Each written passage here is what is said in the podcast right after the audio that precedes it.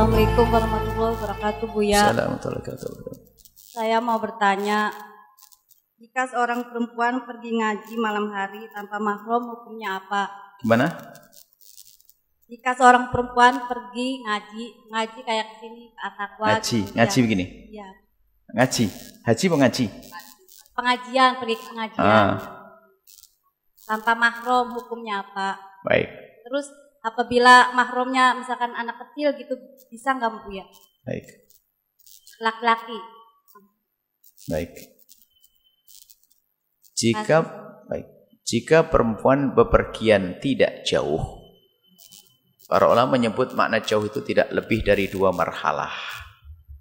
Masih sekitar di bawah 80 kilo, ini adalah wilayah masih dekat. Jika tempat itu aman, Anda boleh pergi biarpun tanpa dibarengi oleh mahramnya. Tapi kalau sudah lebih dari itu, anda keluar kota yang jauh lebih dari 80 kilo, maka Anda harus dibarengi dengan mahram. Kalau Anda urusannya pergi dari rumah sekitar Cirebon ke sini, tentunya syaratnya aman dan terhormat. Waktu yang nggak aman terhormat, Anda menjadi satu malam mau tahajudan di At-Taqwa, Anda sakit. Jam satu malam sendirian.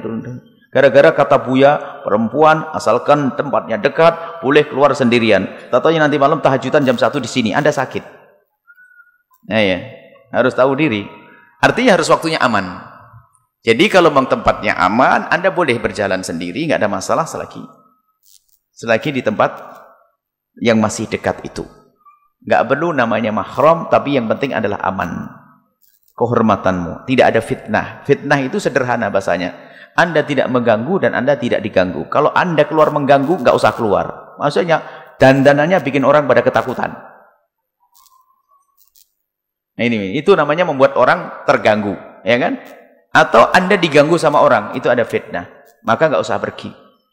Makanya termasuk di malam hari semacam ini, adik-adikku khususnya, jangan sampai kalian menjadi tidak terhormat anak-anakku, adik-adikku. Kalau engkau pergi harus ada perkumpulan berapa perempuan dan sebagainya. Jadi terhormat. Dan juga kami sampaikan kalau ternyata ada yang tempatnya agak jauh kok ketinggalan rombongannya, Anda lapor kepada tim nanti akan dikawal sampai tempat supaya Anda terhormat. Enggak usah ragu. Bahasanya, aduh, saya ketinggalan rombongan, saya sendiri. Jangan sekali-kali Anda menaruh kehormatan tersebut, meletakkan kehormatan jalan sendiri di malam hari. Insya Allah banyak pria-pria terhormat yang bisa menjaga, mengawal. Mungkin ada satu keluarga yang punya istri, Anda dimasukkan ke sana, diantarkan. Jadi seperti itu. Anda boleh selagi masih dekat, tidak harus dengan mahram. Ya. Adapun jika Anda bepergian jauh, yang namanya mahram itu bisa berlaku asalkan orang itu tamyiz sudah mikir. Kalau naudzubillah, kalau ada orang yang melakukan kehinaan, dia sudah bisa ngerti. Dan Anda pun ngerti kalau dia tahu itu. Makanya Anda sudah malu dengan dia. Tapi kalau orangnya idiot ya enggak, enggak berlaku dia. Jadi orangnya faham kalau naudzubillah kalau kita melakukan keharaman dia ngerti ini enggak pantas. Dan dia bisa cerita ke orang, maka namanya tamyiz. Sudah boleh.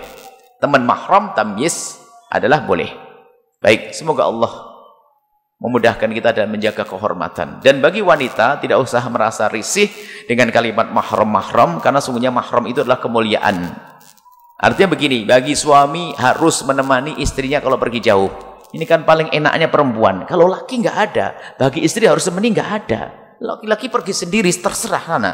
Kalau kalau perempuan harus suami nemeni, kan enak jadi wanita itu.